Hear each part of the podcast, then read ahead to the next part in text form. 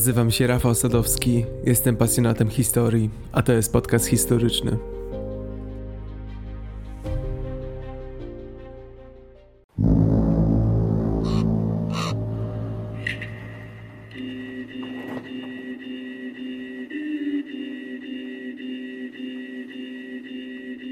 Przenosimy się dziś na daleką, mroźną północ Europy. Ze świeżo ściętych drzew zbudujemy nasz drakkar i wyruszymy na szalejące morze. Wypłyniemy z malutkich osad, ulokowanych pod zamglonymi fiordami i udamy się na podbój dalekich krain. Ostrzegam, nie wszystkim dane będzie wrócić. Z żelaza wykujemy oręż do walki i staniemy ramię w ramię z berserkerami, gotowi przenieść się do wieczności. Razem wzniesiemy kamienie runiczne na cześć wielkich wojowników oraz pogrzebiemy ich ze wszystkimi honorami, aby godnie zasiedli z bogami w Walhalli. Zagłębimy się w życie rodzinne wikingów, ich ubiór, uprawy rolne i rozrywki, które towarzyszyły im wieczorami. Opowiem wam niejedną nordycką sagę, przenosząc was w świat mitologii skandynawskiej. Dowiecie się wszystkiego, co najciekawsze o wikingach. Weźcie łyk miodu, nałóżcie swoje hełmy i niech Odyn ma nas w swojej opiece.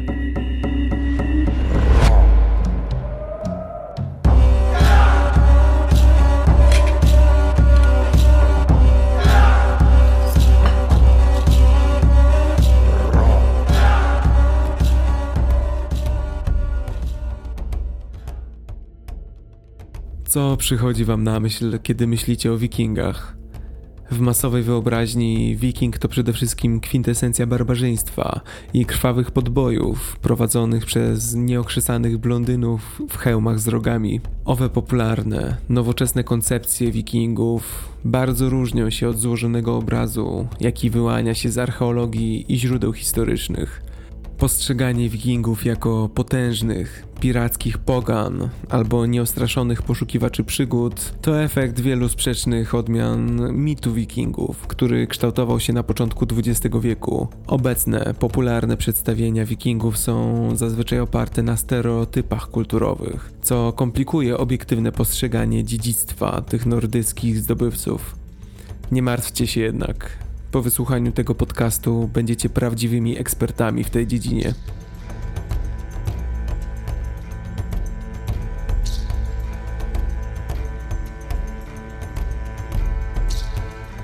Skąd w ogóle określenie wiking? Wszyscy niemal intuicyjnie używamy tego określenia, ale skąd ono się wzięło?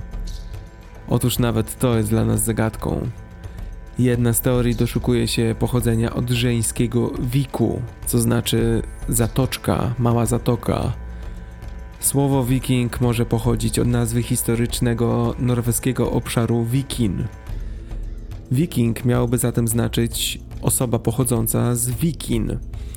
Zgodnie z tą teorią, słowo to pierwotnie odnosiło się do osób jedynie z tego obszaru, i dopiero w ostatnich kilku stoleciach przybrało szersze znaczenie Skandynawów w ogóle. Istnieje jednak kilka problemów związanych z tą teorią. Ludzie z obszaru Wiking nigdy nie byli nazywani Wikingami w rękopisach staronordyckich, ale określani są jako Vigverir, czyli mieszkańcy Wik. Ponadto teoria ta wyjaśnia jedynie rodzaj męski, a nie żeński słowa Wiking. Słowo wiking występuje również jako imię i nazwisko na niektórych szwedzkich kamieniach runicznych. Kamień Toki Viking został wzniesiony ku pamięci miejscowego mężczyzny o imieniu Toki, który otrzymał imię Toki Viking, co oznacza właśnie Viking Toki. Kamień w Gardastanga używa określenia Perdregar varu vida unesir i wikingu, i odnosi się do ludzi, o których wiadomo, że są wikingami. Odnaleziono również kamień runiczny Vastra Stro, który posiada inskrypcję upamiętniającą Bjorna, zabitego podczas rajdu wikingów. Kamień runiczny Bro z kolei został wzniesiony ku pamięci Asura, który chronił tę ziemię przed wikingami. Inna etymologia, która zyskała poparcie na początku XXI wieku, wywodzi się z tego samego źródła, co staronordyckie słowo wika. Wika oznaczało milę morską, Pierwotnie zaś wiką określano odległość między dwiema zmianami wioślarzy. Inaczej mówiąc, słowo wiking może pochodzić od określenia na proces, gdy zmęczony wioślarz kładł się na bok, a drugi go w tym czasie zastępował – to oznaczałoby, że staronordyckie wiking pierwotnie było podróżą morską, charakteryzującą się przesunięciem wioślarzy, to znaczy podróżą na dużą odległość, ponieważ w tamtej epoce rozróżniano podróże na te, które wymagały zmiany wioślarzy oraz te krótsze. Wikingr, czyli rodzaj męski od słowa wiking, pierwotnie byłby wtedy uczestnikiem takiej podróży morskiej, która charakteryzowała się właśnie przemieszczeniem wioślarzy. Jednakże, jeśli przyjmiemy takie znaczenie, to słowo wiking nie mogło pierwotnie związane być ze skandynawskimi marynarzami, ale nabrało tego znaczenia dopiero, gdy Skandynawowie zaczęli dominować na morzach.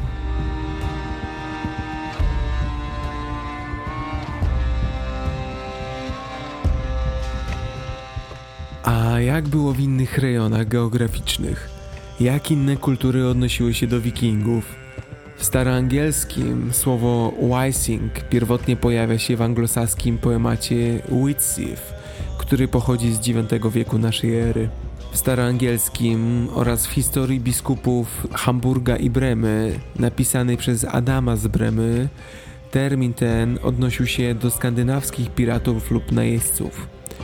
Tak jak w zwyczajach staronordyckich, termin ten nie był stosowany jako nazwa jakiegokolwiek ludu lub kultury w ogóle, Słowo to nie występowało w żadnych zachowanych tekstach w środkowej Anglii.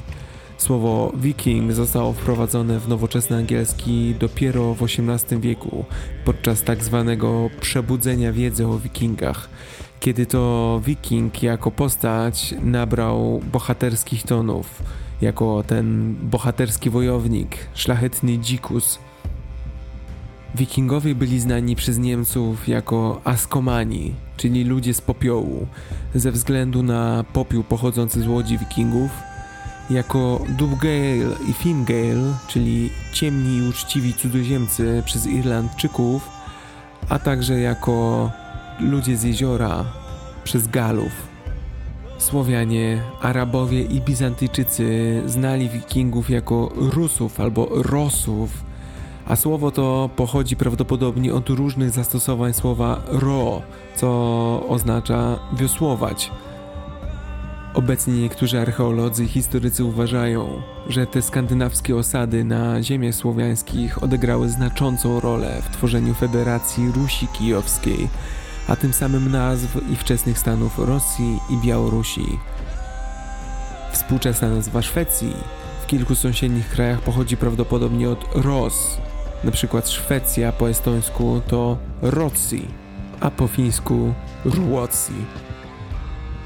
Słowianie i Bizantyjczycy nazywali wikingów Varagians.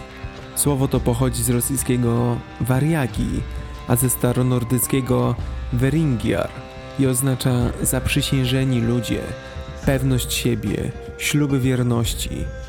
Idąc dalej, Skandynawscy ochroniarze bizantyjskich cesarzy znani byli jako Gwardia Warangian. Frankowie zwykle nazywali wikingów ludźmi północy, a Anglicy i Irlandczycy poganami. Jak widzicie, wspólny mianownik tych dociekań to nawiązanie do podróży, regionów geograficznych albo łodzi. Ale dlaczego właściwie wikingowie wyruszyli z domu?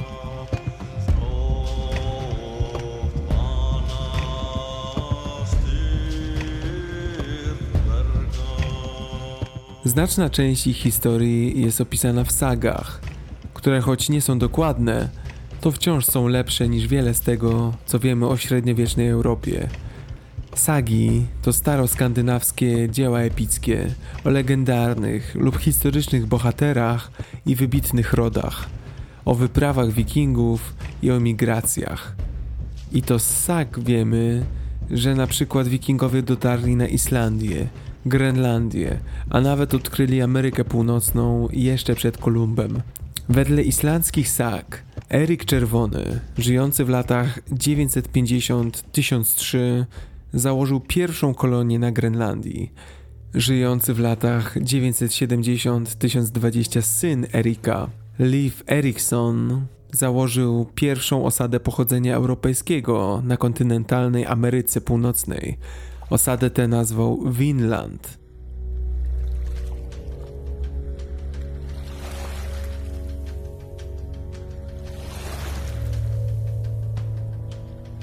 Wiemy dokąd wikingowie podróżowali, ale czy wiemy dlaczego wyruszali na tak długie podróże? Krótka odpowiedź brzmi nie. Mamy jedynie hipotezy. Mogło to mieć coś wspólnego z ociepleniem, jakie miało miejsce na kontynencie europejskim w wiekach VII i późniejszych. Jest też inna teoria. Podczas gdy lód morski uprzednio blokował statki wikingów przed dalszymi wodami, to dzięki ociepleniu mogli odbywać dłuższe podróże niż wcześniej. Badacze zasugerowali, że wikingowie mogli rozpocząć żeglowanie i najazdy z powodu potrzeby poszukiwania kobiet z obcych krajów. Taki pogląd został wyrażony już w XI wieku przez średniowiecznego historyka Dudo Saint-Quentin w jego na wpół imaginowanej historii Normanów. Bogaci i potężni mężczyźni wikingowie mieli wiele żon i konkubin, a te relacje mogły prowadzić do braku kwalifikujących się kobiet dla przeciętnego mężczyzny. Z tego powodu ten przeciętny mężczyzna wiking był zmuszony do bardziej ryzykownych działań w celu zdobycia bogactwa i władzy, tak aby znaleźć odpowiednie kobiety. Na tym przykładzie dobrze widać, że poligamiczne małżeństwa zwiększają konkurencję mężczyzn w społeczeństwie, ponieważ tworzą grupę nieżonatych mężczyzn, którzy chętnie angażują się w ryzykowne zachowania podnoszące ich status. Potwierdzeniem tego są kroniki, na przykład kroniki z Ulsteru, które stwierdzają, że w 821 roku wikingowie splądrowali irlandzką wioskę i porwali wielką liczbę kobiet w niewolę. Innym wyjaśnieniem jest to, że wikingowie wykorzystali chwilę słabości w okolicznych regionach. Anglia na początku średniowiecza cierpiała z powodu wewnętrznych podziałów i była stosunkowo łatwą ofiarą, biorąc pod uwagę bliskość wielu miast do morza lub rzek żeglownych. Brak zorganizowanej opozycji morskiej w całej Europie umożliwił statkom wikingów swobodne podróżowanie, naloty i handel – Pewną rolę mogło również odegrać e, upadek Cesarstwa Zachodnio-Rzymskiego w V wieku, kiedy to spadła rentowność starych szlaków handlowych. Handel między Europą Zachodnią a resztą Eurazji doznał wtedy poważnego ciosu. Niebagatelny był też wpływ ekspansji islamu w VII wieku. Najazdy w Europie nie były bezprecedensowe i miały miejsce na długo przed przybiciem wikingów. Na przykład Jutowie, czyli lud germański, najeżdżali Wyspy Brytyjskie już trzy wieki wcześniej niż Wikingowie. Saksoni robili to samo, wyruszając z Europy kontynentalnej. Najazdy Wikingów były jednak pierwszymi, które zostały udokumentowane na piśmie przez naocznych świadków, a ich skala i częstotliwość były znacznie większe niż poprzednio.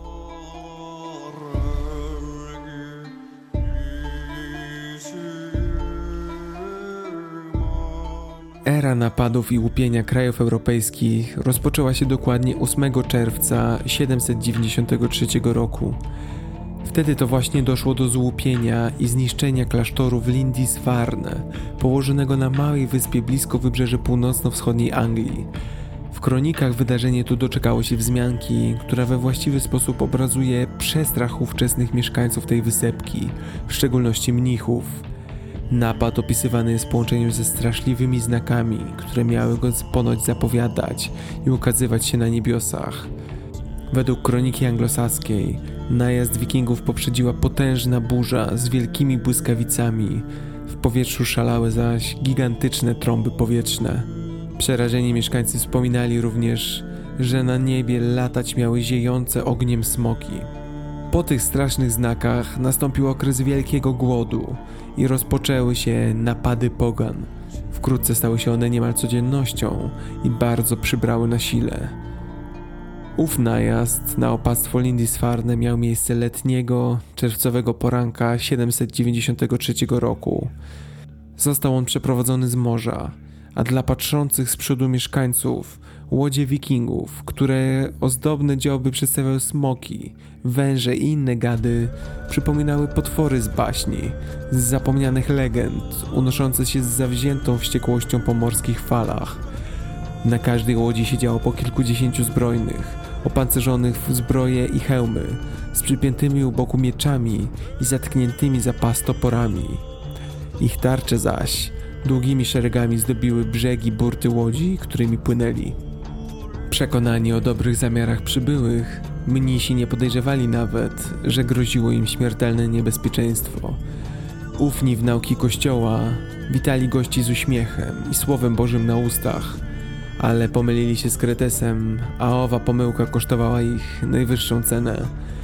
Dla wikingów atak dawał możliwość zdobycia w walce chwały, ale przede wszystkim był znakomitą okazją do zdobycia pokaźnych łupów. Wikingowie przeprowadzili najazd niezwykle zuchwale, uderzyli z wielkim impetem i agresją, cieli i rąbali na wszystkie strony, a wokół latały odrąbane głowy i inne członki ciała, tryskając przy tym gejzerami ludzkiej posoki. Zewsząd słychać było krzyki, płacz i błagania o litość mordowanych mnichów, a niebo przeszywał dźwięk szęstu kości i chlupotu brodzących w kałużach krwi butów. Wszyscy wikingowie postępowali według świętej formuły północnych wojowników. Hegra eki hygiask, czyli uderzaj i nie myśl, którą traktowali jako najwyższą wojenną świętość. Pożezi, najeźdźcy ograbili trupy ze wszystkich ozdób, monet i innych cennych rzeczy. Następnie pobiegli w stronę bramy klasztoru, która nie została zamknięta i teraz stała otworem, a wkrótce potem, nie zatrzymywani już przez nikogo, wbiegli do środka. Nie znający litości ani strachu normańscy wojownicy mordowali wszystko, co stanęło im na drodze. Z całej tej rzezi nie ocalał nikt prócz kilku młodych mnichów, których wzięto do niewoli. Po walce zrabowano wszystkie cenne rzeczy, czyli złoto, klejnoty, jedzenie i wino, a resztę spalono i obrocono w popiół, tak aby po domostwie Lindisfarne nie został nawet kamień na kamieniu. Na zakończenie wojowniczy lud wielokrotnie wznosił okrzyki chwały i radości z odniesionego zwycięstwa, ze zdobycia olbrzymich łupów. Z pieśnią na ustach, w glory chwały, żołnierze wojownicy wrócili do swojej ojczyzny, do swoich domów, w których na powracających czekały rodziny. Kilka tygodni później chrześcijańską część Europy ubiegła straszliwa wiadomość o barbarzyńskim napadzie pogan i ich bestialskim mordzie na niewinnych chrześcijanach oraz o grabieży i spaleniu klasztoru Lindisfarne. Ówcześni chrześcijanie byli przekonani, że okrutny mord na wierzących braciach jest karą Bożą za ich grzeszne żywoty. Teza o tych przekonaniach znajduje potwierdzenie w wielu listach z tamtego okresu. Jeden z ówczesnych Uczony Alukin z Yorku, pełniący funkcję przełożonego dworu cesarza Karola Wielkiego, zszokowany zaistniałym faktem, słał właśnie takie listy, w których dodatkowo upominał wierzących, aby przestrzegano reguł cnotliwego żywota, aby uniknąć kary Bożej, której wyrazem musiały być napady wikingów. Alukin pisał również do Ethelreda, króla Nortrumbii, a więc krainy, w której położone było Lindisfarne, i pisał tak. Rozważ, iż przez prawie 350 lat mieszkaliśmy my i nasi przodkowie w tym pięknym kraju i nigdy jeszcze nie dokonano w Brytanii tak niecnego postępku jak ten, wyrządzonego nam ostatnio przez pogańskie ludy. Nikt też nie uwierzyłby do tej pory, że tak niecny czyn w ogóle był możliwy. Oto święty Kościół poplamiony jest krwią sług bożych i pozbawiony z wszystkich swoich kosztowności. Miejsce dla wszystkich w Brytanii, otoczone największym szacunkiem, zbezczeszczone jest przez pogan. Powyższy fragment listu pokazuje, jak nikczemnym postępkiem w oczach współczesnych mieszkańców cywilizowanej Europy był napad na opactwo i jak wielkie piętno odcisnął on w ich świadomości. Najazd wikingów był zaskoczeniem dla wszystkich krajów cywilizowanej Europy. Żaden z nich nie potrafił skutecznie się im przeciwstawić, ani też żaden nie ustrzegł się napaści i grabieży. Atak na Lindisfarne w 793 roku był pierwszą na taką skalę wyprawą normańskich wojowników i rozpoczął on ponad 250-letnią serię podobnych najazdów. Od tej pory wszyscy mieszkańcy przybrzeżnych miast i wiosek, a także tych położonych w głębi lądu, gdzie z biegiem rzeki docierały wikińskie łodzie, bali się tego ludu. Od tego momentu, przez ponad 2,5 stulecia, wikingowie byli postrachem całej Europy Zachodniej, która nie mogła skutecznie odeprzeć ich najazdów. Ich łupem padały nie tylko osady nadmorskie, ale również Paryż, Rzym, Londyn i wiele innych miast, położonych nieraz daleko w głąb lądu.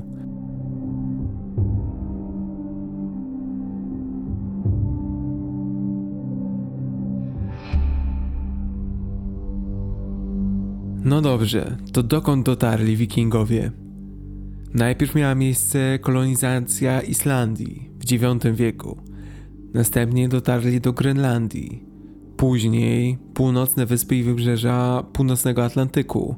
Zapuszczali się także na południe, aż do Afryki Północnej i na wschód do Rosji, Konstantynopola i Bliskiego Wschodu. Napadali, plądrowali, handlowali i działali jak najemnicy, a także zasiedlali rozległe kolonie. Wcześniej wikingowie prawdopodobnie wracali do domu po swoich nalotach, ale później zaczęli osiedlać się w innych krajach. Wikingowie pod wodzą Lifa Eriksona, spadkobiercy Erika Czerwonego, dotarli do Ameryki Północnej i założyli krótkotrwałe osady we współczesnym Lons Meadow w Nowej Funlandii w Kanadzie. Skandynawscy mężczyźni i kobiety podróżowali do wielu części Europy, a także poza nią. W wędrówce kulturowej, która pozostawiła ślady od Nowej Fundlandii aż po Bizancjum. Ten okres aktywności miał także wyraźny wpływ na ojczyzny skandynawskie, które podlegały różnym, nowym dla nich wpływom kulturowym i w ciągu 300 lat, od końca VIII wieku, kiedy to współcześni kronikarze po raz pierwszy napisali o pojawieniu się najeźdźców wikingów, do końca XI wieku Skandynawia uległa głębokim zmianom kulturowym. Pod koniec XI wieku dynastie królewskie, legitymowane przez Kościół katolicki, który jeszcze 300 lat wcześniej miał niewielki wpływ w Skandynawii, potęgowały swoją władzę wzrosnącym autorytetem i ambicjami, a trzy królestwa Danii, Norwegii i Szwecji ukształtowały się. Pojawiły się miasta, które działały jako świeckie i kościelne centra administracyjne i rynki, a także gospodarki monetarne, które zaczęły pojawiać się w oparciu o modele angielskie i niemieckie. Jednocześnie chrześcijaństwo zakorzeniło się w Danii i Norwegii, a nowa religia zaczęła się lepiej organizować i umacniać w Szwecji. Zagraniczni duchowni i rodzime elity energicznie popierały interesy chrześcijaństwa, a stare ideologie i styl życia ulegały przemianom. Do 1100 roku powstało pierwsze arcybiskupstwo w Skandynawii w mieście Lund, które było częścią Danii. Jak przebiegały te zmiany? Dla przykładu weźmy niewolnictwo. Jednym z głównych źródeł wikingów z najazdów było pozyskiwanie niewolników właśnie.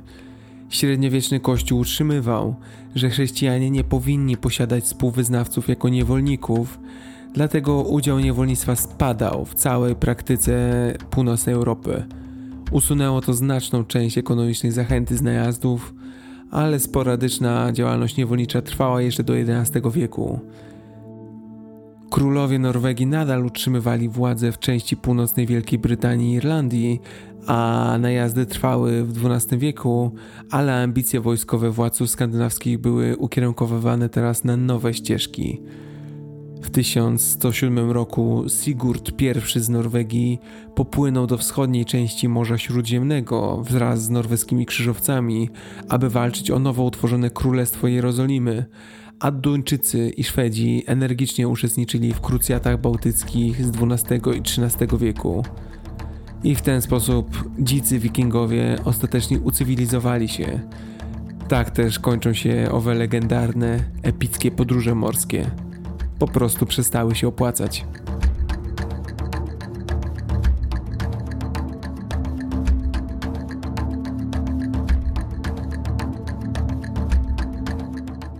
Różnorodne źródła wiele nas uczą o kulturze, działalności i wierzeniach wikingów.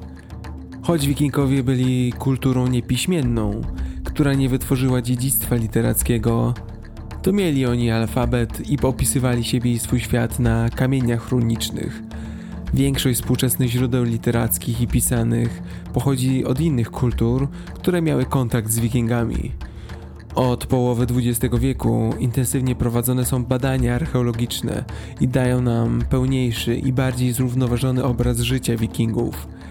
Dane archeologiczne są szczególnie bogate i różnorodne, dostarczając wiedzy na temat ich osadnictwa wiejskiego i miejskiego, rzemiosła i produkcji, statków i sprzętu wojskowego, sieci handlowych, a także ich pogańskich i chrześcijańskich artefaktów religijnych oraz praktyk.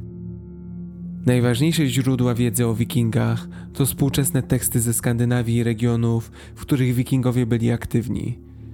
Łacina została wprowadzona do Skandynawii wraz z chrześcijaństwem, więc istnieje niewiele rodzimych źródeł dokumentalnych ze Skandynawii przed końcem XI i początkiem XII wieku.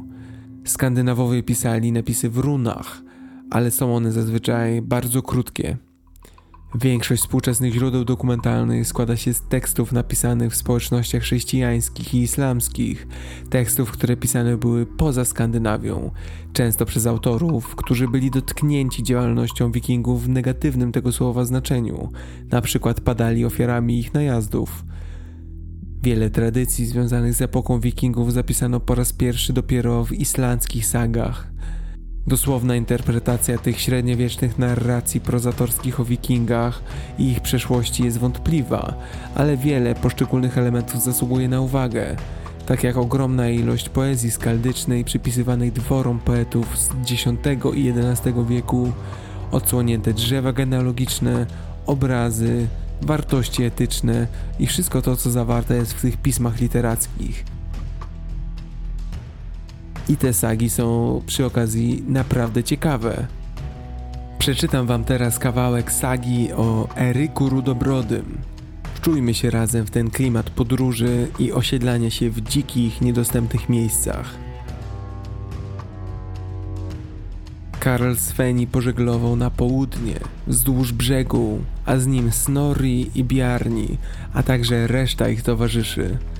Długo już płynęli, gdy ujrzeli rzekę, która najpierw wpadała do jeziora, a potem do morza. Były tam tak wielkie mielizny, że wpłynąć można było tylko przy pełnym przypływie. Znaleźli tam pola dzikiej pszenicy, a na pagórkach rosła dzika winorośl. Każdy strumień pełny był ryb. Wykopali rowy tam, gdzie przypływ zalewał ziemię, a gdy woda ustępowała, w rowach tych pozostawały ryby. W lasach żyło mnóstwo wszelakiej zwierzyny. Pozostali tam przez dwa tygodnie, nic i nikogo nie zobaczywszy. Mieli tam ze sobą swoje bydło. Zdarzyło się pewnego ranka, że zauważyli na wodzie dziewięć skórzanych łodzi, na których machano deseczkami, a dźwięk był taki, jakby ktoś młócił zboże. Cóż to może oznaczać? zapytał Karl Sveni. Być może jest to jakiś znak pokojowy, odparł Snorri. Weźmy białą tarczę i pokażmy ją im. Tak też uczynił, a przybysze przybili do brzegu i wysiedli z łodzi. Byli to niscy, szpetni ludzie i mieli brzydkie włosy na głowach. Mieli wielkie oczy i szerokie policzki. Nazywali ich skrelingami. Pozostali oni tam przez chwilę, po czym odpłynęli wiosłując za przylądek na południu. Karl Sven i jego ludzie pobudowali się nad jeziorem. Jedne domy stanęły w głębi lądu, inne nad samym jeziorem. Spędzili tam całą zimę. Nie spadł śnieg, a ich zwierzęta same się pasły. Lecz z nadejściem wiosny pewnego ranka dostrzegali mnóstwo skórzanych łodzi płynących za przylądka na południu. Było ich tak wiele, że zdawało się jakby zatoka była wysypana węglem, i znowu z każdej łodzi wymachiwano deseczkami. Karl Sven i jego ludzie unieśli tarcze i zaczęli handlować z przybyszami. Ludzie ci ponad wszystko pragnęli kupić czerwone sukno, a na wymianę mieli skóry i szare futra zwierząt. Chcieli także kupić miecze i dzidy, lecz na to Karl Sven i Snorri nie pozwolili. Jeśli macie ochotę dalej poczytać sagę o Eryku Rudobrodym, to link do niej znajduje się w opisie odcinka.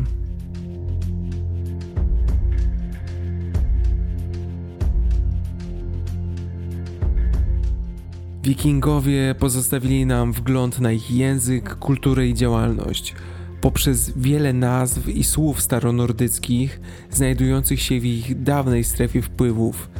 Niektóre z tych nazw, miejsc i słów są nadal w użyciu, prawie niezmienione i rzucają światło na to, gdzie się osiedlali i co dane miejsce dla nich znaczyło. Miejscowości takie jak Egisley, co znaczy Wyspa Egila, Ormskirk, co znaczy Kościół Robaka, Snæfell od Snowfell, albo Ravenskar, czyli kamień kruka, Vinland, czyli ląd wina, czy chociażby Torshavn, co znaczy port Tora. To wszystko to wpływ wikingów, który widoczny jest w takich koncepcjach, jak również dzisiejszy parlamentarny organ Tynwald na wyspie Man. I ta kultura wikingów miała przełożenie na język lądów, do których podróżowali. Typowe słowa w codziennym języku angielskim, takie jak nawet nazwa niektórych dni, bo Thursday znaczy Thursday od dnia Tora, ale również axle, raft, knife, ladder, window, husband, hidden, hell albo ransack to wszystko są słowa, które wywodzą się ze staronordyckiego i dają nam możliwość zrozumienia interakcji kultur z narodem i kulturami wysp brytyjskich. Na północnych wyspach Shetlandów i Orkadach staronordycki całkowicie zastąpił miejscowe języki, a niektóre współczesne słowa i nazwiska pojawiają się i przyczyniają do naszego zrozumienia po bardziej intensywnych badaniach źródeł językowych, takich jak York albo Swansea. York pochodzi od Horse Bay, a Swansea od wyspy Svein. Badacze ustalili również, że miejscowość Tocqueville w Normandii oznacza farma Tokiego. Studia lingwistyczne i etymologiczne stanowią bardzo istotne źródło informacji o kulturze wikingów ich strukturze społecznej i historii oraz o tym, jak współdziałali z ludźmi i kulturami, z którymi się spotykali, handlowali, atakowali albo też przy których mieszkali. Wiele połączeń staronordyckich jest widocznych również we współczesnych językach szwedzkim, norweskim, duńskim i islandzkim. Co ciekawe, staronordycki nie wywarł wielkiego wpływu na języki słowiańskie. Spekuluje się, że przyczyną były wielkie różnice między tymi dwoma językami, a także dużo bardziej pokojowe interesy rosyjskich wikingów w tych obszarach oraz faktem, że ich liczba tutaj była po prostu dużo mniejsza. Efektem tego, o czym wspomniałem, a także tego, że kultury Europy północno-wschodniej w tamtym okresie były niepiśmienne, jest to, że o Wikingach wiadomo znacznie więcej w Europie Zachodniej niż w Europie Wschodniej.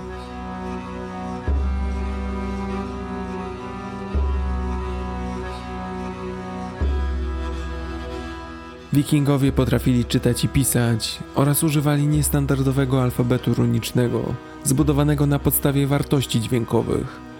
Choć pozostało niewiele runicznych pism na papierze pochodzących z epoki Wikingów, to mamy coś bardziej nietypowego. Tysiące kamieni z runicznymi napisami znalezione na miejscach, gdzie mieszkali Wikingowie. Zazwyczaj są podyktowane pamięci zmarłych, choć niekoniecznie umieszczane przy grobach. Te kamienie wyglądają jak szare, zazwyczaj półtorej metrowe bloki, pokryte runami i rysunkami, zazwyczaj czerwoną farbą. Większość kamieni runicznych z okresu wikingów znajduje się w Szwecji i pochodzi z XI wieku. Najstarszy kamień z napisami runicznymi został znaleziony w Norwegii i pochodzi aż z IV wieku. Wiele kamieni runicznych w Skandynawii zapisuje nazwiska uczestników wypraw wikingów, takich jak kamień runiczny Kjula, który opowiada o rozległych działaniach wojennych w Europie Zachodniej, a także kamień runiczny Turinge, który opowiada o zespole wojennym w Europie Wschodniej. Inne kamienie runiczne wspominają mężczyzn, którzy zginęli podczas wypraw wikingów Wśród nich około 25 kamieni runicznych Ingvar, w szwedzkiej dzielnicy Malardalen, zniesionych dla upamiętnienia członków katastrofalnej wyprawy do dzisiejszej Rosji, która miała miejsce na początku XI wieku. Kamienie runiczne są ważnymi źródłami w badaniach społeczeństwa nordyckiego i wczesnośredniowiecznej Skandynawii, a nie tylko populacji wikingów. To nie wszystkie kamienie, jakie odkryliśmy. Na przykład kamienie Jelling pochodzą z lat 960-985. Starszy, mniejszy kamień został zniesiony przez króla Gorma Starego, ostatniego pogańskiego króla Danii, jako pamiątkę ku czci królowej Tyre. Większy kamień został zniesiony przez jego syna, Haralda Sinozębego, aby uczcić podbój Danii i Norwegii oraz nawrócenie Duńczyków na chrześcijaństwo. Analizując kamienie runiczne, możemy potwierdzić podróże do takich miejsc jak Grecja, Jerozolima, Włochy, Anglia, a także miejsca w Europie Wschodniej. Ślady prowadzą również do wyspy Man.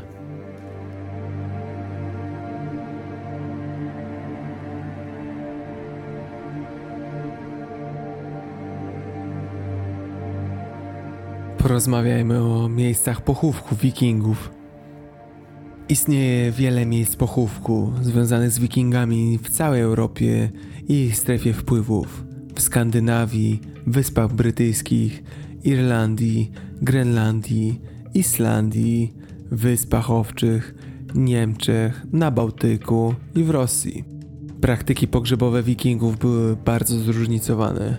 Od wykopanych grobów w ziemi, aż po usypywanie kopców, czasem pochówki na statkach.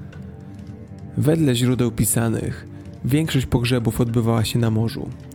Pogrzeby obejmowały grzebanie w ziemi albo kremację, w zależności od lokalnych zwyczajów. Na obszarze, którym jest obecnie Szwecja, dominowały kremacje. W Danii częstszy był pogrzeb, a w Norwegii oba były powszechne. Często zostawiano prezenty zmarłemu. Zarówno mężczyźni, jak i kobiety otrzymywali grób, nawet jeśli zwłoki miały zostać spalone na stosie. Wiking mógł być również pochowany z ukochaną osobą albo niewolnikiem domowym, lub kremowany razem na stosie pogrzebowym z bliskim albo tymże niewolnikiem. Ilość i wartość towarów zostawianych jako prezent zależało od tego, z jakiej grupy społecznej pochodził zmarły. Ważne było to, aby grzebać zmarłych we właściwy sposób, tak aby mogli dołączyć do życia pozagrobowego z taką samą pozycją społeczną, jaką mieli za życia, i aby nie stali się bezdomną duszą, która skazana jest na wieczną wędrówkę. Nie wiadomo, jak wikingowie chowali swoje dzieci.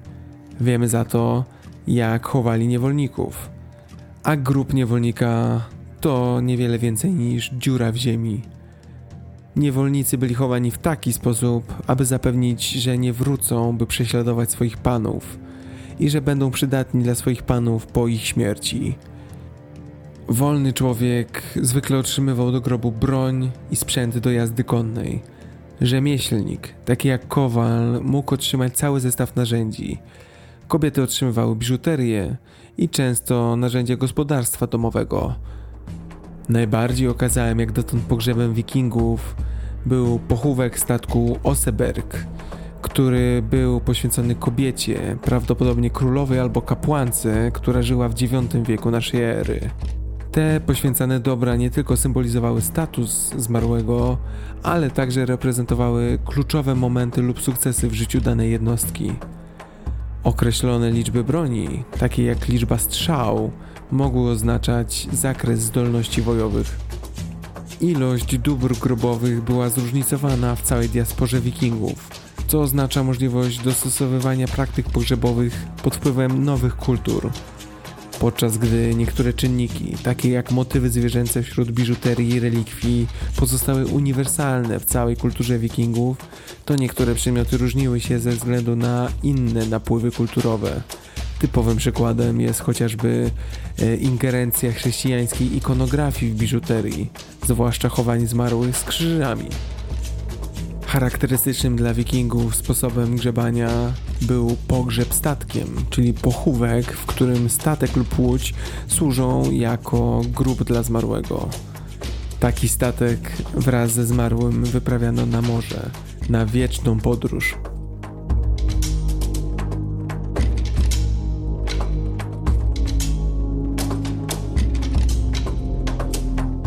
Czy jest jakiś bardziej majestatyczny symbol wikingów niż ich statki? Potężne, surowe, budzące grozę. Wiele znalezisk archeologicznych statków wikingów pokazuje cały przekrój rozmiarów tychże statków i dostarcza nam wiedzę o rzemiośle i sposobach w jaki je budowano, a także o ich rodzajach, a było ich bardzo wiele, zbudowanych do różnych zastosowań. Najbardziej znanym typem był prawdopodobnie langskip, czyli longship, długi statek. Długie statki były przeznaczone do działań wojennych, do działań eksploracyjnych, były projektowane z myślą o szybkości i zwinności i były wyposażone w wiosła uzupełniające żagiel, umożliwiając nawigację niezależnie od wiatru. Langskip miał długi, wąski kadłub i płytkie zanurzenie, aby ułatwić lądowanie na plażach i rozmieszczenie wojsk na płytkiej wodzie. Langskipy były szeroko wykorzystywane przez Leydang, czyli skandynawskie floty obronne. Langskipy ułatwiały dalekosiężne wyprawy, ale jak wspomniałem, wikingowie konstruowali wiele innych typów statków. Na przykład Knar, czyli dedykowany statek handlowy zaprojektowany do przewozu ładunków masowych. Miał szeroki kadłub, głębokie zanurzenie i niewielką liczbę wioseł, używanych głównie do manewrowania w portach i podobnych sytuacjach. Jedną z innowacji zastosowanych w knarach były bejtasy, czyli dźwigary zamontowane na żaglu, które pozwalały tym statkom skutecznie płynąć pod wiatr. Statki wikingów żeglugi morskiej często holowały albo przewoziły mniejszą łódź, która służyła do przenoszenia załogi i ładunku ze statku na brzeg. Ale najciekawszym w mojej ocenie statkiem był Drakkar, czyli największy typ langskipów. Największy znany Drakkar miał 45 metrów długości i 34 pary wioseł. Jednakże mogły istnieć większe Drakkary. Legendy mówią nawet o 120 miejscach dla wioślarzy. Wedle sak skandynawskich taki okręt posiadał duński król Kanut Wielki. Zazwyczaj do drakarów zaliczano jednostki o liczbie wioseł wynoszącej co najmniej 60. Zrekonstruowany w 1881 roku w Norwegii drakar miał 25 metrów długości, 5 metrów szerokości i 16 par wioseł. Drakary były pełnomorskimi jednostkami, zdolnymi do żeglugi oceanicznej, jak i rzecznej. Wyposażone były w jeden duży, rejsowy żagiel, który miał ponad 230 m2. Drakary, jako jednostki wielkie, a więc drogie, zazwyczaj były własnością wodzów i pełniły w normańskich flotach funkcje okrętów reprezentacyjnych. Cechą charakterystyczną drakarów były rzeźby przedstawiające głowy smoków mocowane do dziobnicy podczas wyprawy. Stąd też zresztą nazwa tych jednostek. Rzeźby te służyły odstraszaniu bóstw opiekujących się napadanymi miastami. Rzeźby te zdejmowano podczas powrotu, aby nie obrazić własnych bogów.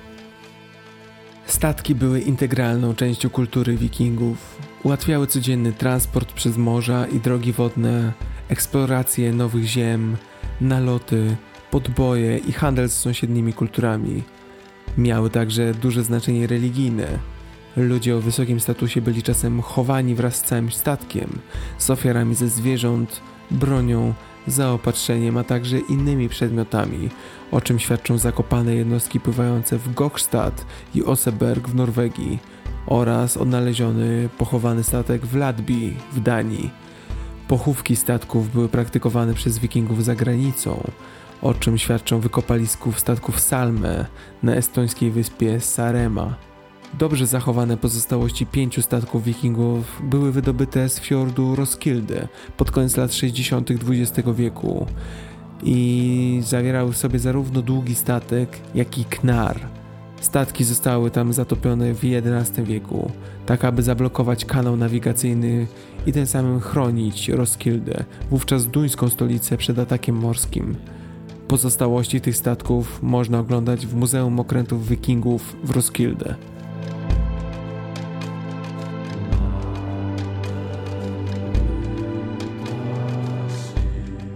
Społeczeństwo wikingów było podzielone na trzy klasy społeczno-ekonomiczne.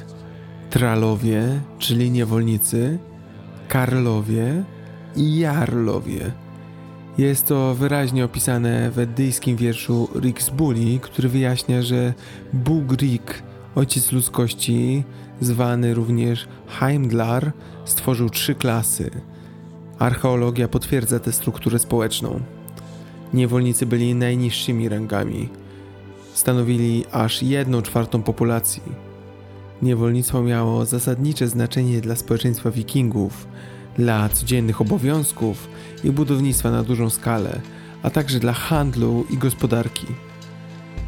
Niewolnicy byli służącymi i robotnikami w gospodarstwach oraz większych domach karlów i jarlów i byli wykorzystywani do budowy fortyfikacji, ramp, kanałów, kopców, dróg i podobnych ciężkich prac. Tralowie byli pogardzani i na tralu spoglądało się z góry. Skąd brano niewolników? Albo rodzili się jako synowie i córki aktualnych niewolników, albo łapano ich za granicą. Wikingowie często celowo chwytali wiele osób podczas najazdu w Europie, aby niewolić ich do własnego użytku. Następnie niewolnicy byli sprowadzani z powrotem do domu w Skandynawii, albo też wykorzystywani na miejscu. Karlowie byli wolnymi chłopami.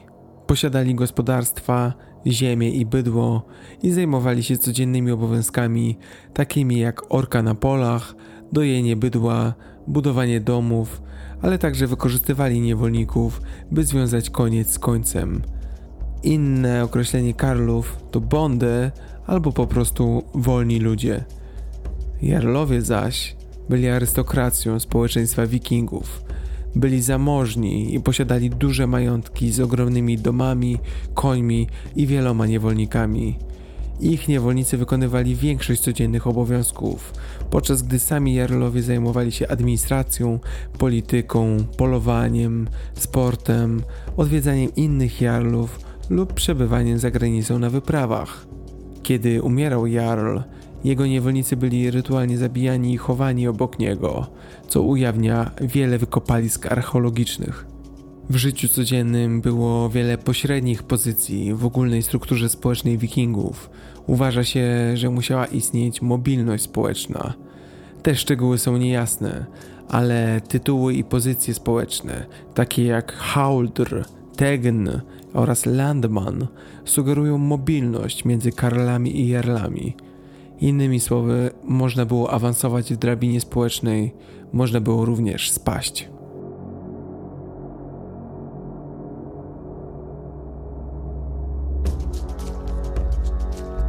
Jak wyglądało życie kobiet w społeczeństwie Wikingów? Kobiety miały stosunkowo wolny status w skandynawskich krajach Szwecji, Danii i Norwegii, co ilustruje chociażby islandzki Gragas, czyli zbiór tamtejszych przepisów, jak również norweskie przepisy. Zacytuję tutaj jeden z tych przepisów prawa, który brzmi: Ciocia ze strony ojca, siostrzenica ze strony ojca i wnuczka ze strony ojca, zwane odalkwiną, mają prawo do dziedziczenia majątku po zmarłym mężczyźnie. Wobec nieobecności męskich krewnych, niezamężna kobieta bez syna mogła odziedziczyć nie tylko majątek, ale także pozycję głowy rodziny po zmarłym ojcu lub bracie. Taką kobietę nazywano Baugrygr i korzystała ze wszystkich praw przyznanych na czele klanu rodzinnego, takich jak prawo do żądania i otrzymywania grzywien za rzeź członka rodziny. Po ukończeniu 20 roku życia niezamężna kobieta, określana mianem Mary, osiągała pełnoletność i miała prawo do decydowania o swoim miejscu zamieszkania oraz ogółem decydowania o sobie. Wyjątkiem od jej niezależności było prawo wyboru partnera małżeńskiego, ponieważ małżeństwa były u wikingów zazwyczaj aranżowane przez rodzinę. Badania pochówków z epoki wikingów sugerują, że kobiety żyły dłużej i prawie wszystkie miały powyżej 35 lat, gdy umierały. Kobiety wikingów rodziły najczęściej w wieku między 20 a 35 rokiem życia, gdyż wtedy najwięcej proporcjonalnie z nich umierało, najprawdopodobniej z powodu komplikacji porodowych. Wdowy miały taki sam status niezależny jak niezamężne kobiety. Zamężna kobieta mogła rozwieść się z mężem i ponownie wyjść za mąż. Społecznie akceptowalne było także to, by wolna kobieta mieszkała z mężczyzną i miała z nim dzieci bez małżeństwa, nawet jeśli ten mężczyzna był żonaty. Kobieta w takiej pozycji nazywała się frilla. Nie wprowadzono rozróżnienia między dziećmi urodzonymi w małżeństwie, a tymi urodzonymi poza nim. Każde z nich miało prawo do dziedziczenia majątku po rodzicach i nie było dzieci legalnych ani nieślubnych. Kobiety miały autorytet religijny i działały jako kapłanki, gydie i wyrocznie, sejtkwiny. Działały także w sztuce jako poetki i mistrzowie run, a także jako kupcy i kapłanki. Możliwe, że działały również w urzędach wojskowych. Historie o tarczowniczkach, czyli żeńskich wojowniczkach są niepotwierdzone, ale niektóre znaleziska archeologiczne, a także wojowniczka wikingów Birka mogą wskazywać na to, że przynajmniej niektóre kobiety działały we władzach wojskowych. Te kobiety stopniowo zanikały po wprowadzeniu chrześcijaństwa, a od końca XVI wieku ślad po nich już zaginął.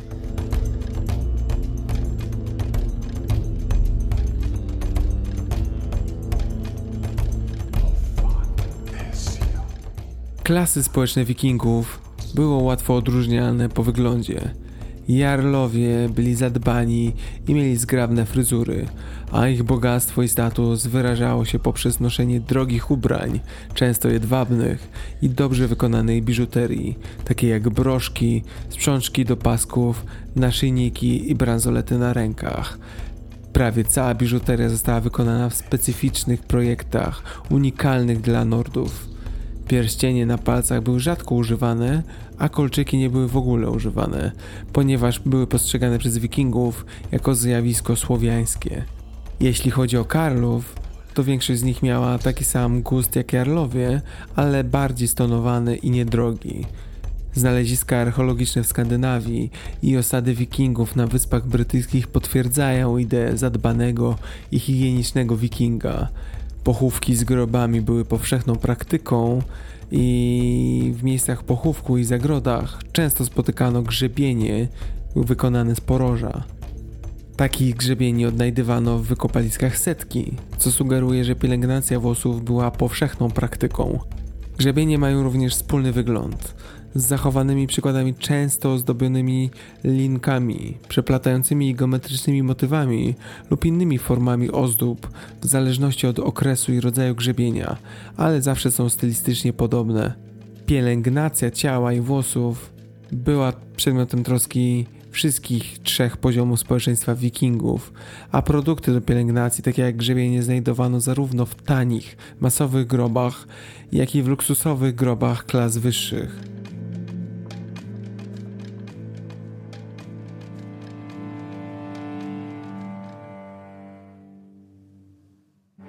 Co jedli i uprawiali wikingowie? Sagi opowiadają o diecie i kuchni wikingów, ale to dowody z pierwszej ręki, takie jak wykopane spiżarnie, stodoły, kuchnie i wysypiska śmieci, okazały się mieć wielką wartość i znaczenie. Ogólnie rzecz biorąc, w ostatnich dziesięcioleciach coraz częściej podejmowane są badania archeobotaniczne, jako współpraca pomiędzy archeologami i paleoetnobotanikami. To nowe podejście naukowo-historyczne rzuca światło na praktyki rolnicze i ogrodnicze wikingów i ich kuchni. Przygotowywano i spożywano różnorakie produkty mięsne wszelkiego rodzaju, takie jak peklowane, wędzone i konserwowane serwatki, kiełbasy i gotowane lub smażone kawałki świeżego mięsa. Wikingowie jedli dużo owoców morza, chleba, kasz, produktów mlecznych, ale także warzyw, owoców, jagód i orzechów. A co pito? Podawano napoje alkoholowe, takie jak piwo, miód pitny, biur, czyli mocne wino owocowe, a także wina importowane. Niektóre zwierzęta hodowlane były typowe i unikalne dla wikingów, takie jak koń islandzki, bydło islandzkie, wiele ras owiec, kura duńska i gęś duńska, ale na przykład w Jorku wikingowie najczęściej jedli wołowinę, baraninę i wieprzowinę, czasem również koninę. Wikingowie lubili jeść szpik kostny, o czym świadczą znajdowane rozpiłowane kości wołowe i końskie. Baraninę i świninę krojono wzdłuż stawów i łopatek. Kury trzymano zarówno dla ich mięsa, jak i jaj, ale hodowano również cietrzewie, siewki, dzikie kaczki i gęsi. Wikingowie lubili owoce morza, w niektórych miejscach nawet bardziej niż mięso. Wieloryby i morsy były polowane na żywność w Norwegii i północno-zachodniej części regionu północnoatlantyckiego, a na foki polowano prawie wszędzie. Ostrygi, małże i krewetki były spożywane w dużych ilościach, a dorsz i łosoś były bardzo popularnymi rybami. W regionach południowych ważny był również śledź. Jeśli chodzi o nabiał, to mleko i maślanka były bardzo popularne, zarówno jako składniki do gotowania, jak i jako napoje do picia, choć nie zawsze były dostępne, nawet na farmach. Mleko pochodziło od krów, kóz i owiec. Produkowano również sfermentowane produkty mleczne, takie jak skyr i surmilk, a także masło i ser. Wikingowie lubili sól. Jedzenie często było mocno posolone i wzbogacane również przyprawami. Niektóre z nich były importowane, jak czarny pieprz. Inne przyprawy były uprawiane w ogrodach ziołowych lub zbierane w dziczy. Domowe przyprawy obejmowały kminek, musztardę i chrzan, koperek, kolendrę i dziki seler. Dochodzi do tego tymianek, jagoda jałowca oraz krwawnik pospolity. Wikingowie nie tylko polowali, zbierali i jedli owoce, jagody i orzechy, a także jabłka, śliwki i wiśnie, które były stałą częścią ich diety. Podobnie jak owoce róży i maliny, poziomki, jeżyny, jagody bzu czarnego, jarzębiny, a także głogu.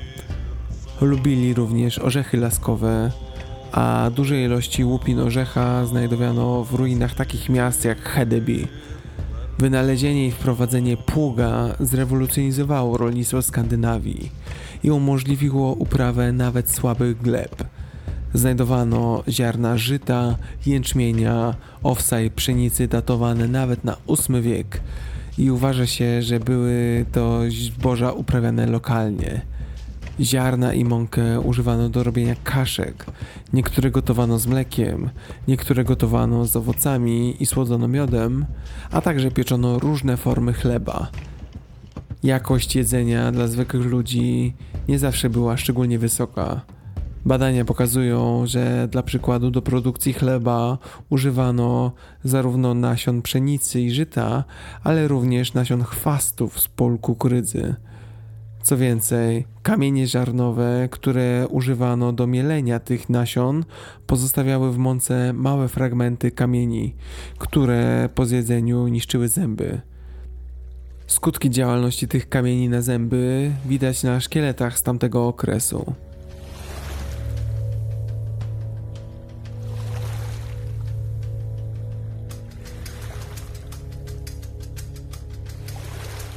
Wikingowie lubili sportową rywalizację. Popularny był oczywiście sport, nazwijmy to militarny, to znaczy polegający na szkoleniu z używania broni i rozwijania umiejętności bojowych, co obejmowało rzucanie włócznią i kamieniami oraz budowanie i testowanie swojej siły fizycznej poprzez zapasy, walki na pięści i podnoszenie kamieni. Ale było także wiele innych sportowych rywalizacji. Na obszarach górskich wspinaczka górska była uprawiana jako sport. Zwinność i równowaga były budowane i testowane przez bieganie i skakanie, a sagi wspominają także o sporcie, który polegał na skakaniu z wiosła na wiosło na zewnątrz balustrady statku, podczas gdy ten płynął. Pływanie również było popularnym sportem. Możemy wyróżnić trzy jego typy: nurkowanie, pływanie na długich dystansach oraz coś w rodzaju berka w wodzie. Dzieci często brały udział w niektórych dyscyplinach sportowych, a kobiety również były wymieniane jako pływaczki, choć nie jest jasne, czy brały udział w zawodach. Król Olaf Tryggvason został okrzykniętym mistrzem zarówno wspinaczki górskiej, jak i skoków wiosłowych, a także podobno przodował w sztuce żonglerki nożem. Narciarstwo i jazda na łyżwach były podstawowymi sportami zimowymi wikingów, choć jazda na nartach była również używana jako codzienny środek transportu w zimie oraz na chłodniejszych regionach północy. Sportowo uprawiano walki konne, chociaż ich zasady nie są dla nas jasne. Wygląda na to, że obejmowały one dwa ogiery, które ustawiano naprzeciwko siebie, które również nęcono zapachem odgrodzonych klaczy. Niezależnie od zasad tej walki, których nie znamy, walki te często kończyły się śmiercią jednego z ogierów. Islandzkie źródła donoszą, że pojawił się sport Knatlake. Była to gra w piłkę podobna do hokeja. Do gry w Knatlake'a potrzebna była mała, twarda piłka, a gra rozgrywana była na gładkim polu lodowym. Jej zasady są dla nas niejasne, ale Knatlake był popularny zarówno wśród dorosłych, jak i dzieci, choć często gra w Knatlake'a prowadziła do obrażeń. W Knatlake grano tylko na Islandii, gdzie przyciągał wielu widzów, podobnie jak walki koni. Jedynie w Danii polowanie przyjęło się jako sport, chociaż nie było uważane za istotną dziedzinę. Ptaki, jelenie, zające i lisy polowano za pomocą łuku i włóczni, a następnie kuszy. Techniki polowania polegały na tropieniu zwierzyny, zastawianiu pułapek oraz na obławach z paczkami psów.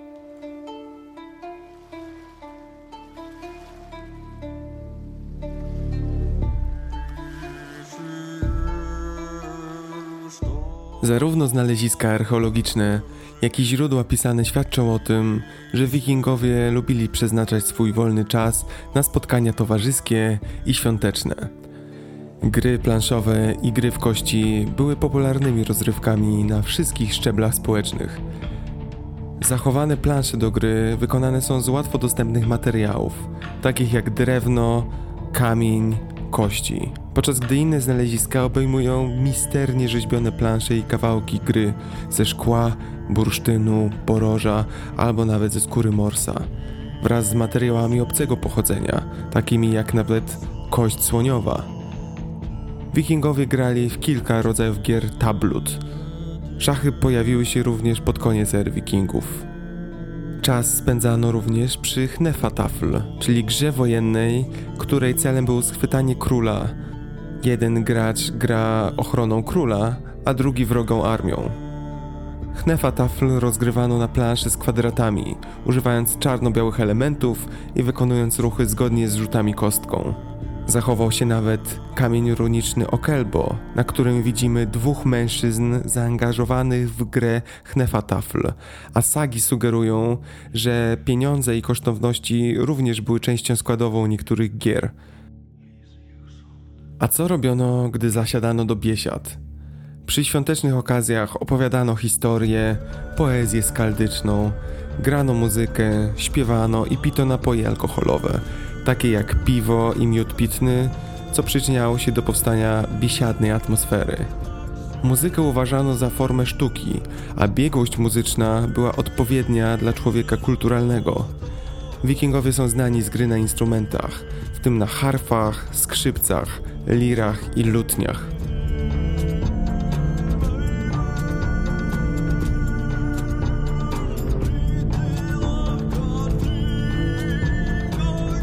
porozmawiajmy o broni i działaniach wojennych. Wiedza na ich temat oparta jest na znaleziskach archeologicznych oraz na relacjach z nordyckich sag i prawodawstwa nordyckiego z XIII wieku. Zgodnie z tym, wszyscy wolni ludzie byli zobowiązani do posiadania broni i mogli ją nosić przez cały czas. Wyposażenie wskazywało status społeczny wikinga. Bogaty wiking posiadał hełm, tarczę, kolczugę i miecz – jednak mieczy rzadko używano w bitwie. Prawdopodobnie nie były wystarczająco mocne do walki i były używane tylko jako przedmioty symboliczne albo dekoracyjne. Typowy wolny człowiek miał większe szanse na walkę włócznią i tarczą, a większość nosiła także dodatkowo nóż użytkowy zwany seax. Łuki były używane na początkowych etapach bitew lądowych i na morzu, ale wikingowie uważali je za mniej honorowe niż broń do walki w zwarciu. Charakterystyczne dla wikingów było używanie toporów jako głównej broni bojowej. Dwuręczne topory z łatwością mogły niszczyć tarcze i metalowe hełmy. Agresywny styl walki wikingów był motywowany i napędzany ich wierzeniami w nordycką religię, które koncentrowały się na Torze i Odynie, bogach wojny i śmierci. Uważa się, że w walce wikingowie często angażowali się w nieuporządkowany styl szalonych, wściekłych ruchów, zwanych berserkgergang, co doprowadziło do tego, że nazywani byli berserkerami. Takie taktyki mogły być celowo stosowane przez oddziały uderzeniowe, a stan szału bojowego mógł być wywoływany przez użycie materiałów psychoaktywnych, takie jak grzyby halucynogenne albo duże ilości alkoholu.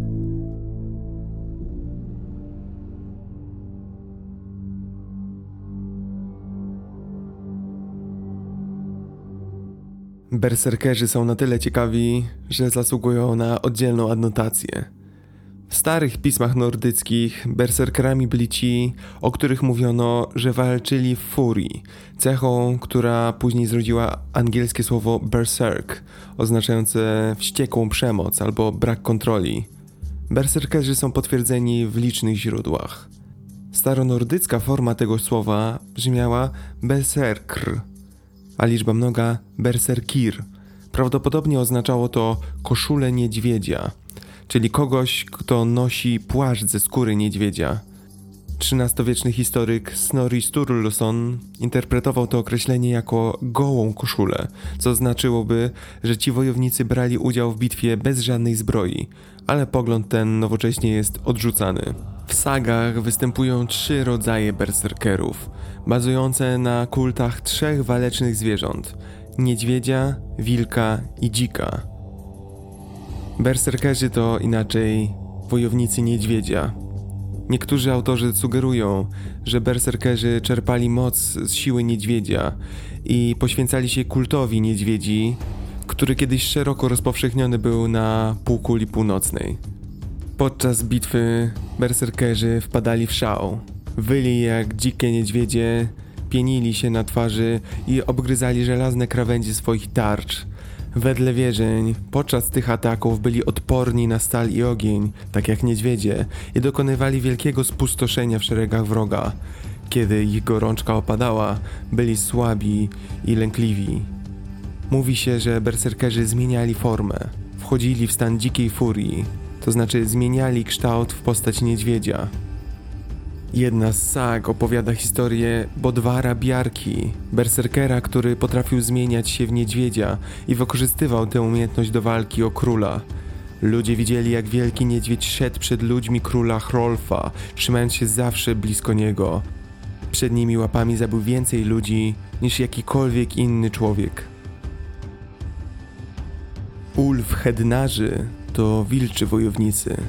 Pojawiają się wśród legend Indoeuropejczyków, Turków, Mongołów oraz rdzennych Amerykanów. Ulfhednarzy do bitwy wkraczali w skórach wilków. Czasem opisywani są jako specjalne oddziały Odyna. Szli bez swoich zbroi i szaleli jak wilki. Gryźli swoje tarcze, ale ani ogień, ani żelazo nie miało na nich wpływu. Jedna z sag przedstawia ponadto Odyna w towarzystwie wojownika w futrze wilka, dzierżącego włócznie. Trzecim typem berserkerów byli Sfinfylkingowie, czyli wojownicy dzika. W mitologii nordyckiej dzik był zwierzęciem świętym. Potężny bóg Freyr był właścicielem dzika Gulinburstiego, co oznacza złotowłosy, a bogini Freya posiadała Hildisfini, czyli świnię bojową. Dziki można znaleźć także na ceremonialnych przedmiotach szwedzkich i anglosaskich. Sfinfylkingowie walczyli na czele formacji bitewnej znanej jako Głowa Dzika.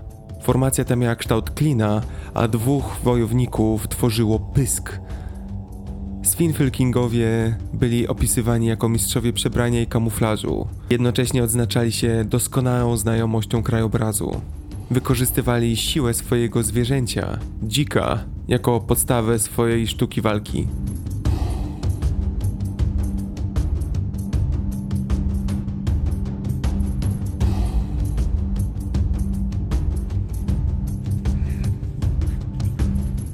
Wikingowie stworzyli rozległe sieci handlowe na całym świecie i wywarli głęboki wpływ na rozwój gospodarczy Europy i Skandynawii. Z wyjątkiem niektórych centrów handlowych, świat wikingów nie był zaznajomiony z użyciem monet i opierał się na tzw. Tak gospodarce kruszców. Srebro było najczęściej spotykanym metalem w gospodarce, chociaż do pewnego stopnia wykorzystywano również złoto. Srebro krążyło w postaci sztabek lub wylewek, a także w formie biżuterii i ozdób. Odkryto dużą liczbę srebrnych skarbów z epoki wikingów, zarówno w Skandynawii, jak i na ziemiach, na których się osiedlali. Zorganizowany handel obejmował wszystko, od zwykłych produktów po egzotyczne, luksusowe dobra. A zatem, co sprowadzali wikingowie? Przede wszystkim przyprawy, uzyskiwane od chińskich i perskich kupców, którzy spotykali się w Rosji z wikingami. Wikingowie używali domowych przypraw i ziół, takich jak kminek, tymianek, chrzan i musztarda, ale importowali chociażby cynamon. Importowano również szkło, które było bardzo cenione przez Nordów. Służyło ono do robienia koralików, których znaleziono tysiące. Sprowadzano również jedwab, który był ważnym towarem uzyskiwanym z Bizancjum i Chin. Jedwab był ceniony przez wiele ówczesnych kultur europejskich, a wikingowie wykorzystywali go do pokazywania statusu, takiego jak bogactwo i szlachetność osoby noszącej ubiór z jedwabiu. Wiele znalezisk archeologicznych w Skandynawii odkrywa właśnie ubrania z jedwabiu. Importowano również wino z Francji i Niemiec jako napój tych bogatych, aby urozmaicić regularne spożywanie miodu i piwa. Dla równowagi wikingowie eksportowali wiele różnych towarów. Wysyłali świat bursztyn, czyli skamieniałą żywicę sosny, którą znajdowano często na Morzu Północnym i wybrzeżu Bałtyku. Przed sprzedażą bursztyn przerabiano na koraliki i przedmioty ozdobne. Eksportowano również futra, ponieważ zapewniały ciepło. Pozyskiwano futra z kuny, lisów, niedźwiedzi, wydr oraz bobrów. Wysyłano świat również tkaniny i wełny. Wikingowie byli utalentowanymi tkaczami, eksportowali również wełnianą tkaninę wysokiej jakości. Wysyłano również puch. Norweskie zachodnie wybrzeże dostarczało pierzyny. Puch służył do produkcji pościeli i pikowanej odzieży. Puch pozyskuje się od ptactwa, które osiadywało na stromych zboczach i skałach, a zbiory puchu były pracą niebezpieczną i często śmiertelną. Wikingowie wysyłali w świat również niewolników. Podczas swoich nalotów wikingowie chwytali wielu ludzi, w tym mnichów i duchownych, których następnie w części sprzedawano arabskim kupcom w zamian za srebro. Ponadto eksportowano broń, wosk, sól i dorsze. Jednym z bardziej egzotycznych produktów eksportowych były ptaki, które czasem dostarczano do europejskiej arystokracji, począwszy od X wieku. Wełna była bardzo ważna jako produkt dla wikingów. Wykorzystywano ją do produkcji ciepłej odzieży na zimny skandynawski klimat oraz do wyrobu żagli. Żagle na statkach wikingów wymagały dużych ilości wełny. Ponadto rzemieślnicy w większych miastach zaopatrywani byli w poroża ze zorganizowanych polowań. Poroża te wykorzystywano były jako surowiec do przyrządzania codziennych przyborów, takich jak grzebienie.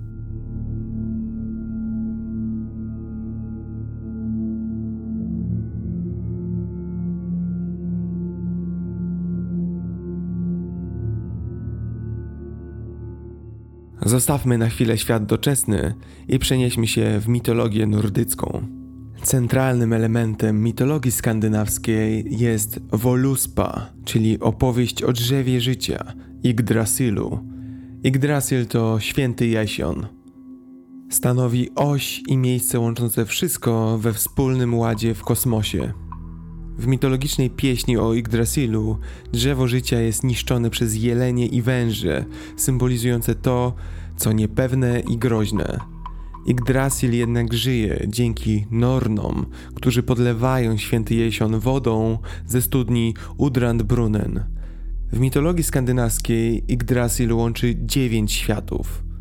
Asgard, siedzibę Asów, Vanaheim, siedzibę Vanów, Alfheim – siedzibę elfów, Muspelheim, krainę ognia, Nidavellir, krainę Karłów, Niflheim, świat lodu, mgły i zmarłych, Svartalfheim, krainę mrocznych elfów, Jotunheim, krainę lodowych olbrzymów i Midgard, krainę ludzi, krainę, gdzie żyją docześni. W tym wikingowie. Według mitologii Midgard powstał na styku przeciwstawnych światów wody i ognia. To niezwykle stary mit tradycji wedyjskiej. W Eddzie poetyckiej te dwa światy są źródłem zagrożenia, prowadzą nawet do zguby. Ogień pochodzi z Muspel, a woda z zatrutych rzek. Jest to przykład prymitywnego pojmowania dobra i zła, pojmowanego w personifikacjach i metaforach przedmiotowych. W tym procesie narodził się Ymir, protoplasta olbrzymów, groźny ze względu na swoje rozmiary. Wspomina o nim w swoich komentarzach Snorri Sturluson, jako o postaci, której samo istnienie stanowi niebezpieczeństwo.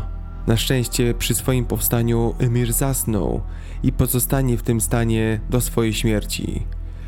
Ymir uosabia siły natury i jest zdolny do samorództwa. Na początku dziejów rodzi Tursonów i Asów, czyli bogów. Asowie są z tej samej substancji co Ymir, ale są dodatnim biegunem historii. W dalszych dziejach Asowie zgładzili Ymira, a z jego ciała stworzyli Midgard. Z resztek Ymira Asowie stworzyli Karłów. Ludzie natomiast pojawili się samoistnie i byli bezwolni. Midgard na początku był światem bogów. Ludzie byli istotami drugoplanowymi, pozbawionymi woli, rozumu, czucia, ruchu i oddechu. Te cechy dopiero nadał im Odyn, Wili i Vi, czyli synowie Buriego, ojca Asów. Zmiana cech ludzi i ich pojawienie się w historii następuje w momencie pojawienia się Norn, czyli olbrzymek wieszczek, które dały przepowiednie o Ragnarok, czyli walce na końcu czasów. Ludzie zostają sojusznikami asów, czyli bogów, w przyszłej walce z olbrzymami. W tej chwili również Odyn zsyła śmierć niezależnie od swojej woli i tworzy Valhalla, miejsce, gdzie polegli wojownicy oddają się ćwiczeniom i niesamowitym biesiadom, by stawić czoła walce w dniu Ragnaroku.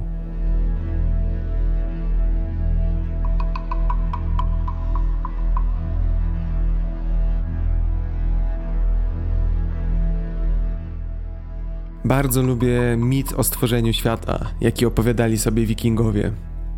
Miejscem akcji jest Ginnungagap, otchłań wypełniona lodem.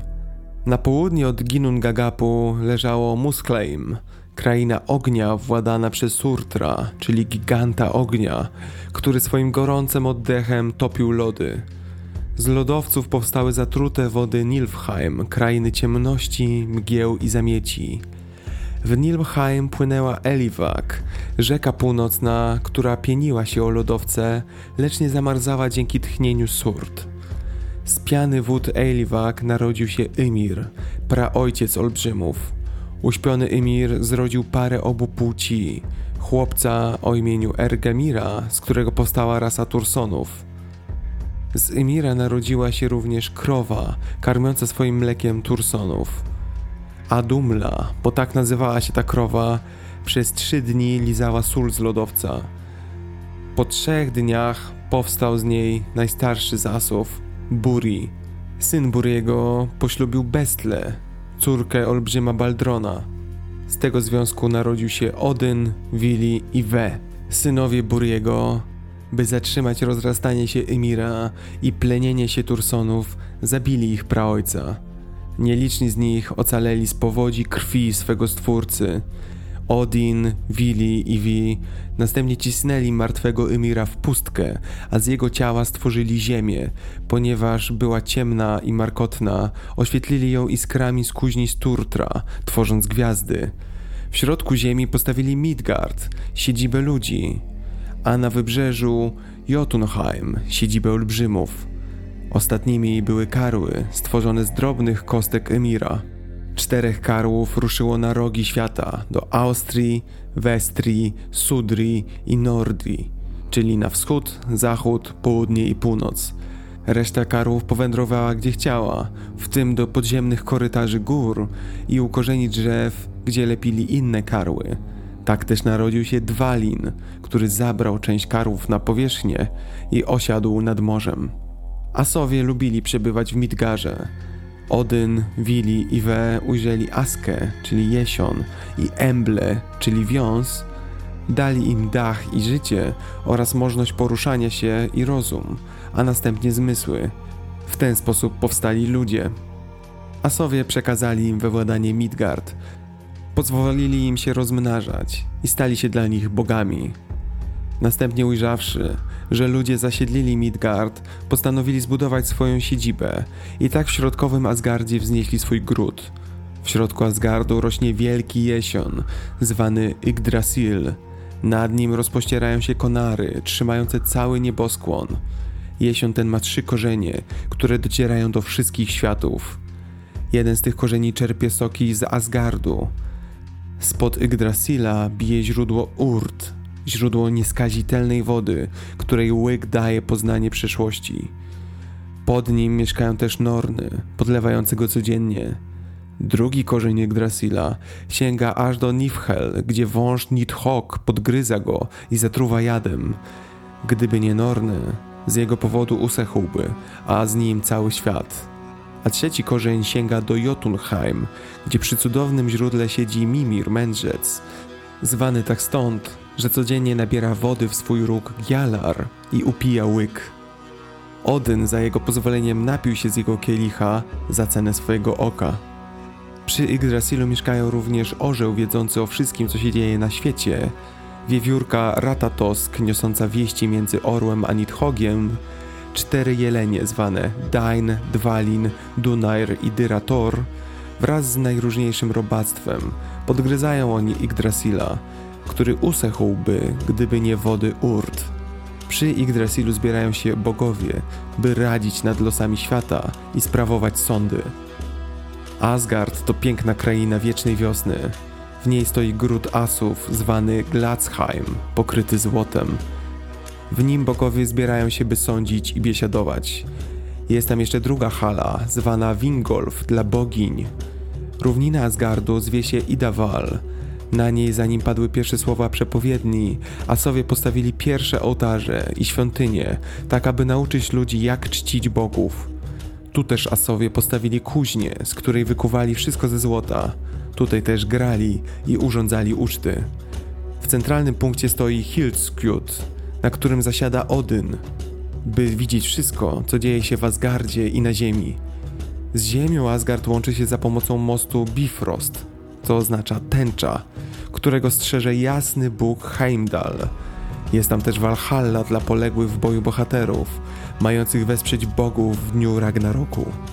Valhalla cała jest ze srebra i ma 540 drzwi. Ściany ma z włóczni pokrytych srebrem. Sufit starcz, a na stołach leżą zbroje.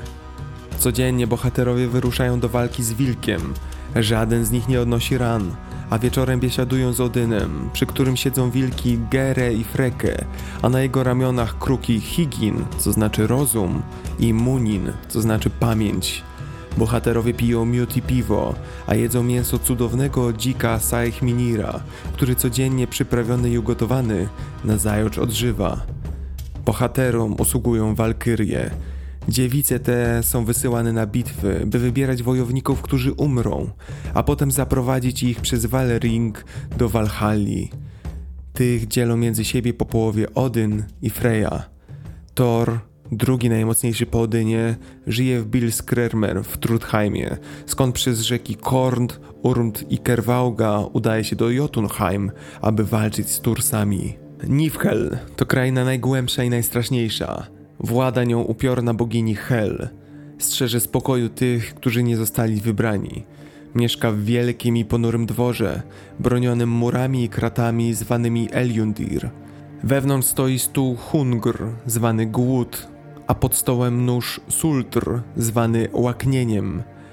Hel to półtrup, pół kobieta, ubrana w suknię mdłości i spoczywa na łożu Kor, co oznacza letarg. Kto raz zawita do królestwa jej, nie znajdzie wyjścia. Bogini wyprowadza zmarłych z grobu i chroni przed niebezpieczeństwami tej podróży.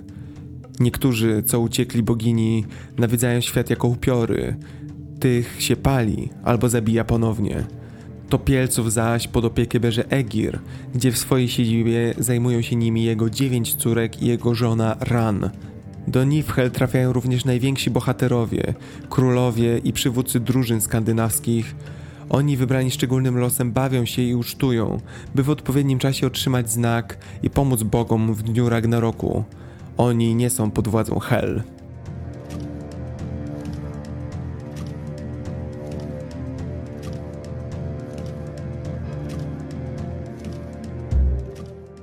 Pomówmy trochę o ofiarach i obrzędach.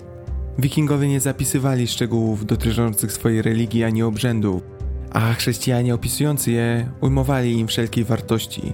Tak więc trudno dzisiaj stwierdzić, czy literackie mity są odzwierciedleniem rzeczywistych wierzeń i obrzędów wikingów.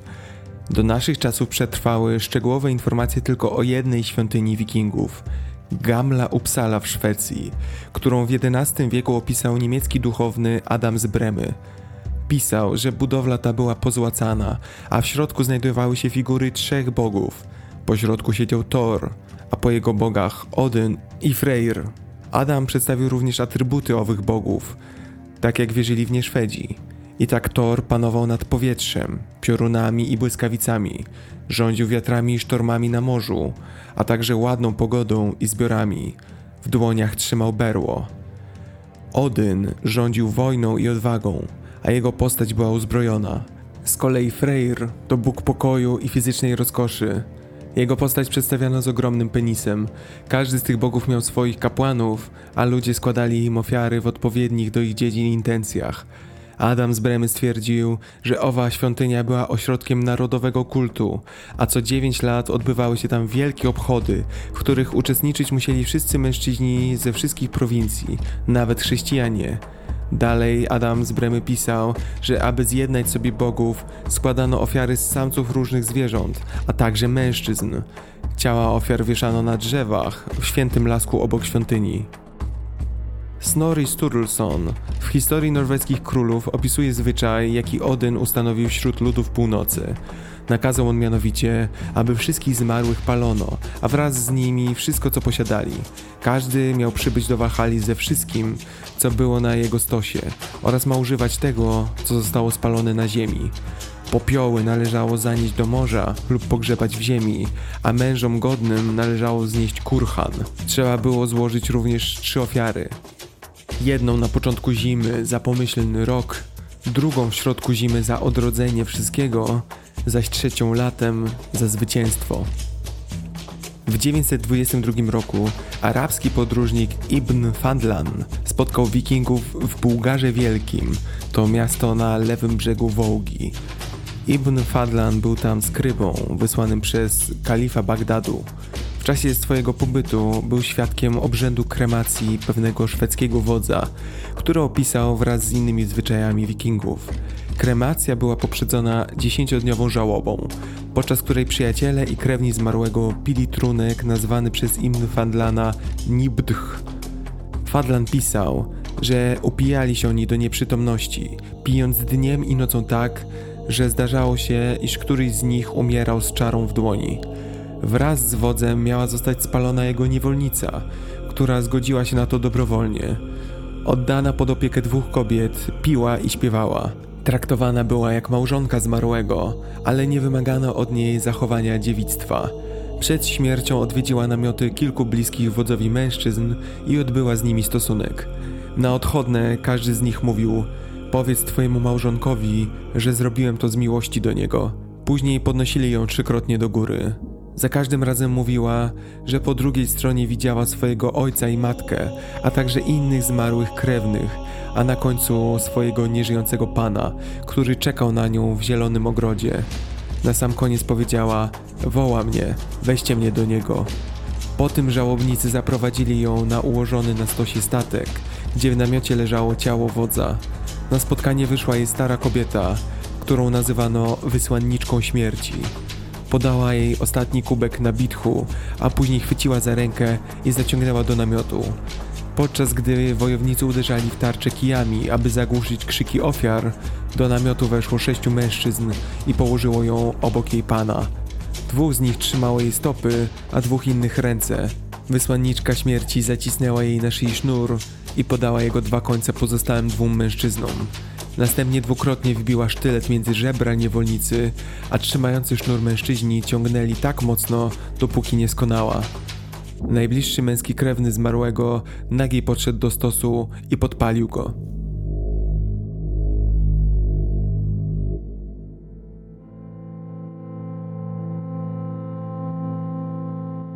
Na przestrzeni wieków w różny sposób postrzegano wikingów. W Anglii epoka wikingów rozpoczęła się dramatycznie od wspomnianego najazdu na Lindisfarne w 793 roku. Dewastacja tej świętej wyspy zaszokowała i zaalarmowała europejskie dwory średniowieczne przed obecnością wikingów.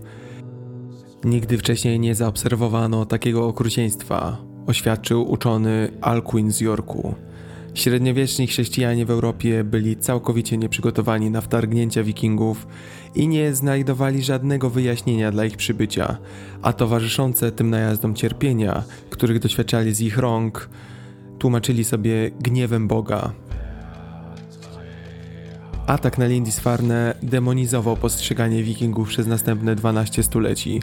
Dopiero w latach 90. XIX wieku uczeni spoza Skandynawii zaczęli poważnie oceniać osiągnięcia wikingów, uznając ich kunszt, umiejętności technologiczne i żeglarskie.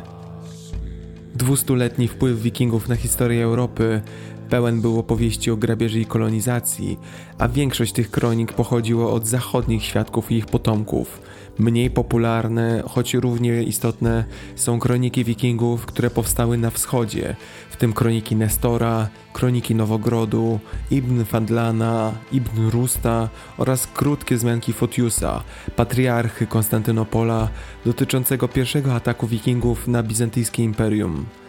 Inni kronikarze historii wikingów to Adam z Bremy, który pisał W Zelandii było dużo złota, nagromadzonego przez piractwo. Piratów tych nazywano Wichingami przez ich własny lud i Askomanami przez nasz lud.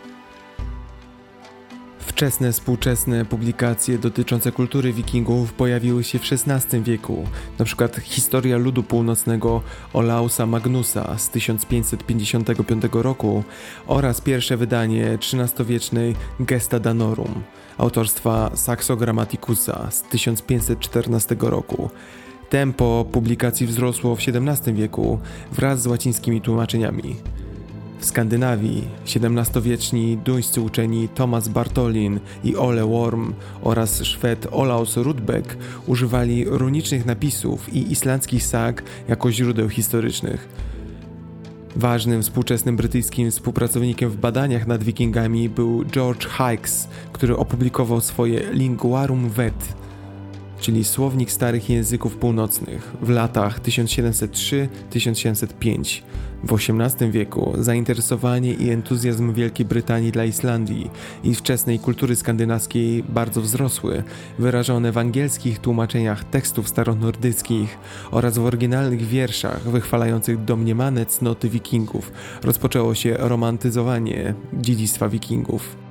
Słowo wiking spopularyzował po raz pierwszy na początku XIX wieku Erik Gustav Geyer w swoim wierszu Wiking. Wiersz Geyera bardzo przyczynił się do propagowania nowego, romantyzowanego ideału wikinga, który miał niewiele podstaw w faktach historycznych. Ponowne zainteresowanie romantyzmem na Starej Północy miało współczesne implikacje polityczne. Towarzystwo Geitish, którego członkiem był Geyer, w dużym stopniu spopularyzowało ten mit. Innym szwedzkim pisarzem, który miał wielki wpływ na postrzeganie wikingów, był Esaias Tegner, członek Gatish Society, który napisał współczesną wersję sagi Hins Frek na Free Boys, która stała się bardzo popularna w krajach skandynawskich, ale także w Wielkiej Brytanii i Niemczech. Fascynacja wikingami osiągnęła szczyt podczas tak zwanego odrodzenia wikingów na początku XVIII i XIX wieku jako gałąź romantycznego nacjonalizmu. W Wielkiej Brytanii Nazywano to sepenteralizmem, w Niemczech patosem wagnerowskim, a w krajach skandynawskich skandynawizmem.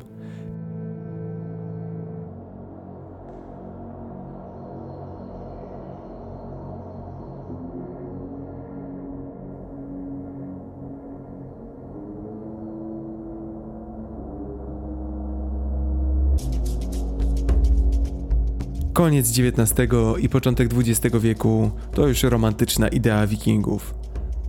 Postać tego zdobywcy stała się znanym i plastycznym symbolem w różnych kontekstach politycznych i ideologicznych. W Normandii, która była zasiedlona przez wikingów, statek wikiński stał się symbolem regionalnym. W Niemczech świadomość historii wikingów w XIX wieku była pobudzona przez spór graniczny z Danią o Schleswig-Holstein, a także wykorzystywanie skandynawskiej mitologii przez Richarda Wagnera. Wyidealizowany pogląd na wikingów podobał się germańskim mocarstwom, które przekształciły postać wikinga zgodnie z ideologią germańskiego zdobywcy.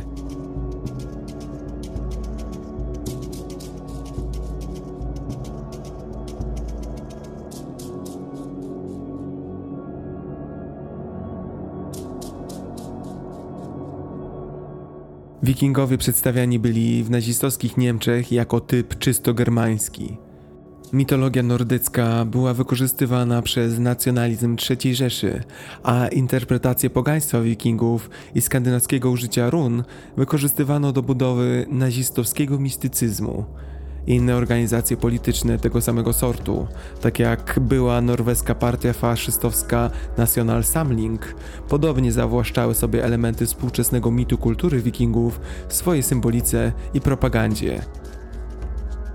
Współczesna kultura popularna to już rozkwit idei wikingów. Począwszy od opery niemieckiego kompozytora Richarda Wagnera, Pierścień Nibelunga, poprzez powieści bezpośrednio oparte na wydarzeniach historycznych, takich jak Lange Skipy Franza Gunnara Bengtssona, a także fantazje historyczne, jak film Wikingowie, Śmierciożercy, a także komediowy film Eric Viking Wampir Eric Northam z serialu HBO True Blood był księciem wikingów, zanim został zamieniony w wampira.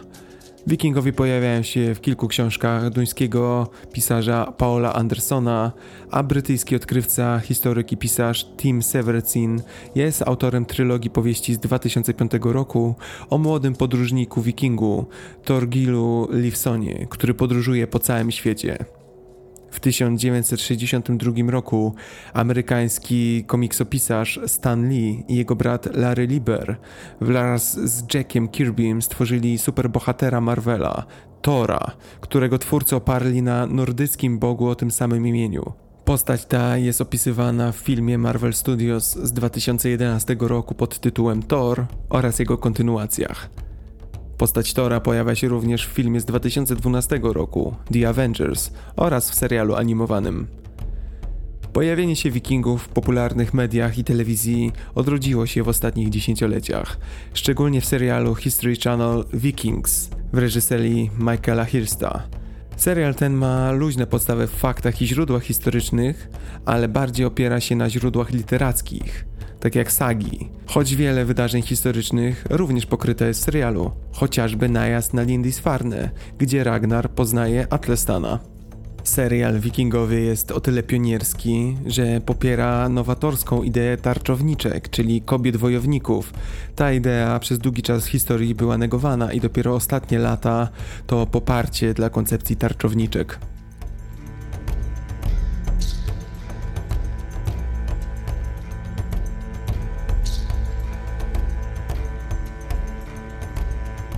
Kiedy o jakimś temacie robi się głośno, narastają mity wokół niego.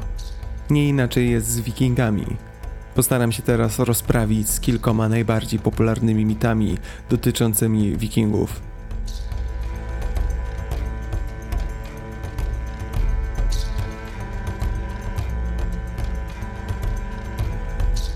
Zacznę od najbardziej znanego mitu, którego wyjaśnienie często skutkuje namnożeniem innych historycznych nieścisłości.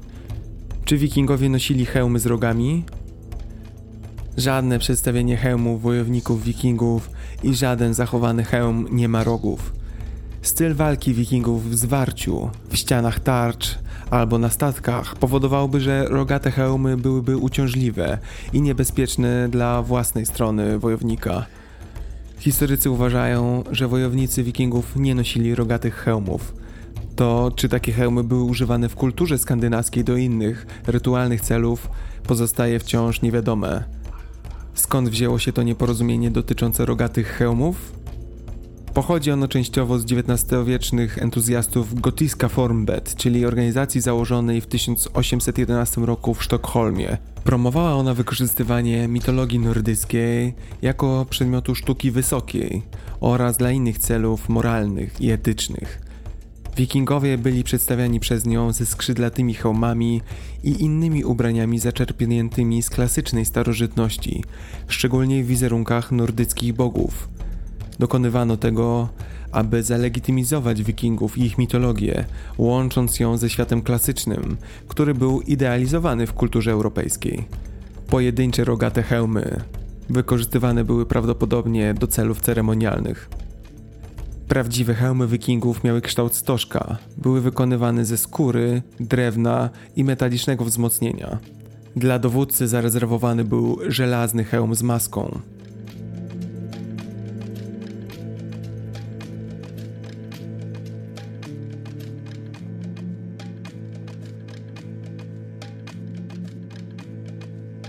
Czy wikingowie nie myli się?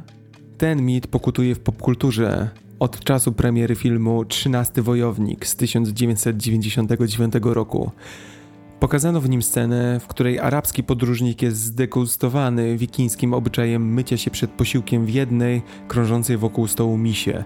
W rzeczywistości zwyczaj ten pochodzi z kręgu arabskiego, gdzie mniej zamożny gospodarz proponował gościom mycie rąk w jednym naczyniu. Zachowywano przy tym taki porządek, zgodnie z którym przed obiadem to właściciel domu mył się jako pierwszy, a po posiłku zanurzał ręce w misie jako ostatni. Prawda jest natomiast taka, że Skandynawowie słynęli ze swojego zamiłowania do kąpieli. Lubowali się też w różnych rodzajach sportach wodnych, takich jak wyścigi pływackie czy zapasy w wodzie. Bez wątpienia kąpali się więc częściej niż ówcześni mieszkańcy dużych europejskich miast. Tak jak też wspominałem, znane są znaleziska grzebieni i ozdób do włosów, co świadczy o tym, że Skandynawowie dbali o swoje uczesanie.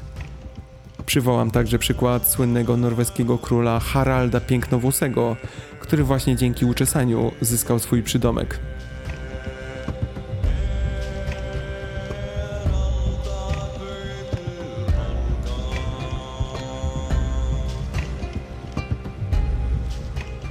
Czy wikingowie wykorzystywali czaszki jako naczynie do picia? Nie ma na to żadnych dowodów. Było to nieporozumienie oparte na fragmencie skaldycznego wiersza Krakumal, mówiącego o bohaterach pijących z gałęzi czaszek. Tak naprawdę chodziło o picie z rogów, ale zostało to źle przetłumaczone w XVII wieku.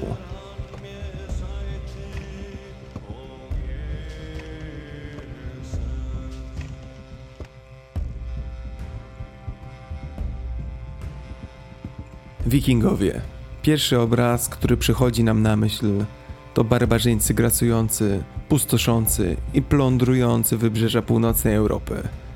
To, jak już wiecie, bardzo fałszywy obraz.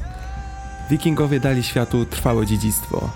Oprócz umiejętności czytania, rozumienia politycznego i rolnictwa, Wikingowie byli także ludźmi, którzy podróżowali po całym świecie na łodziach, co można było osiągnąć jedynie dzięki wiedzy o gwiazdach i planetach oraz znajomości matematyki.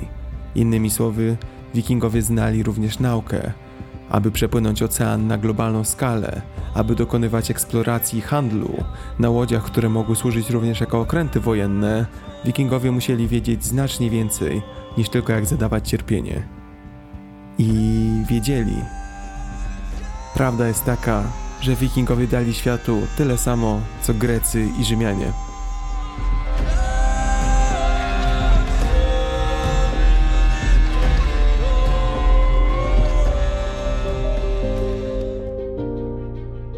Bardzo Wam dziękuję za uwagę. Będę wdzięczny za podzielenie się tym podcastem ze znajomymi oraz za oceny na Apple Podcasts.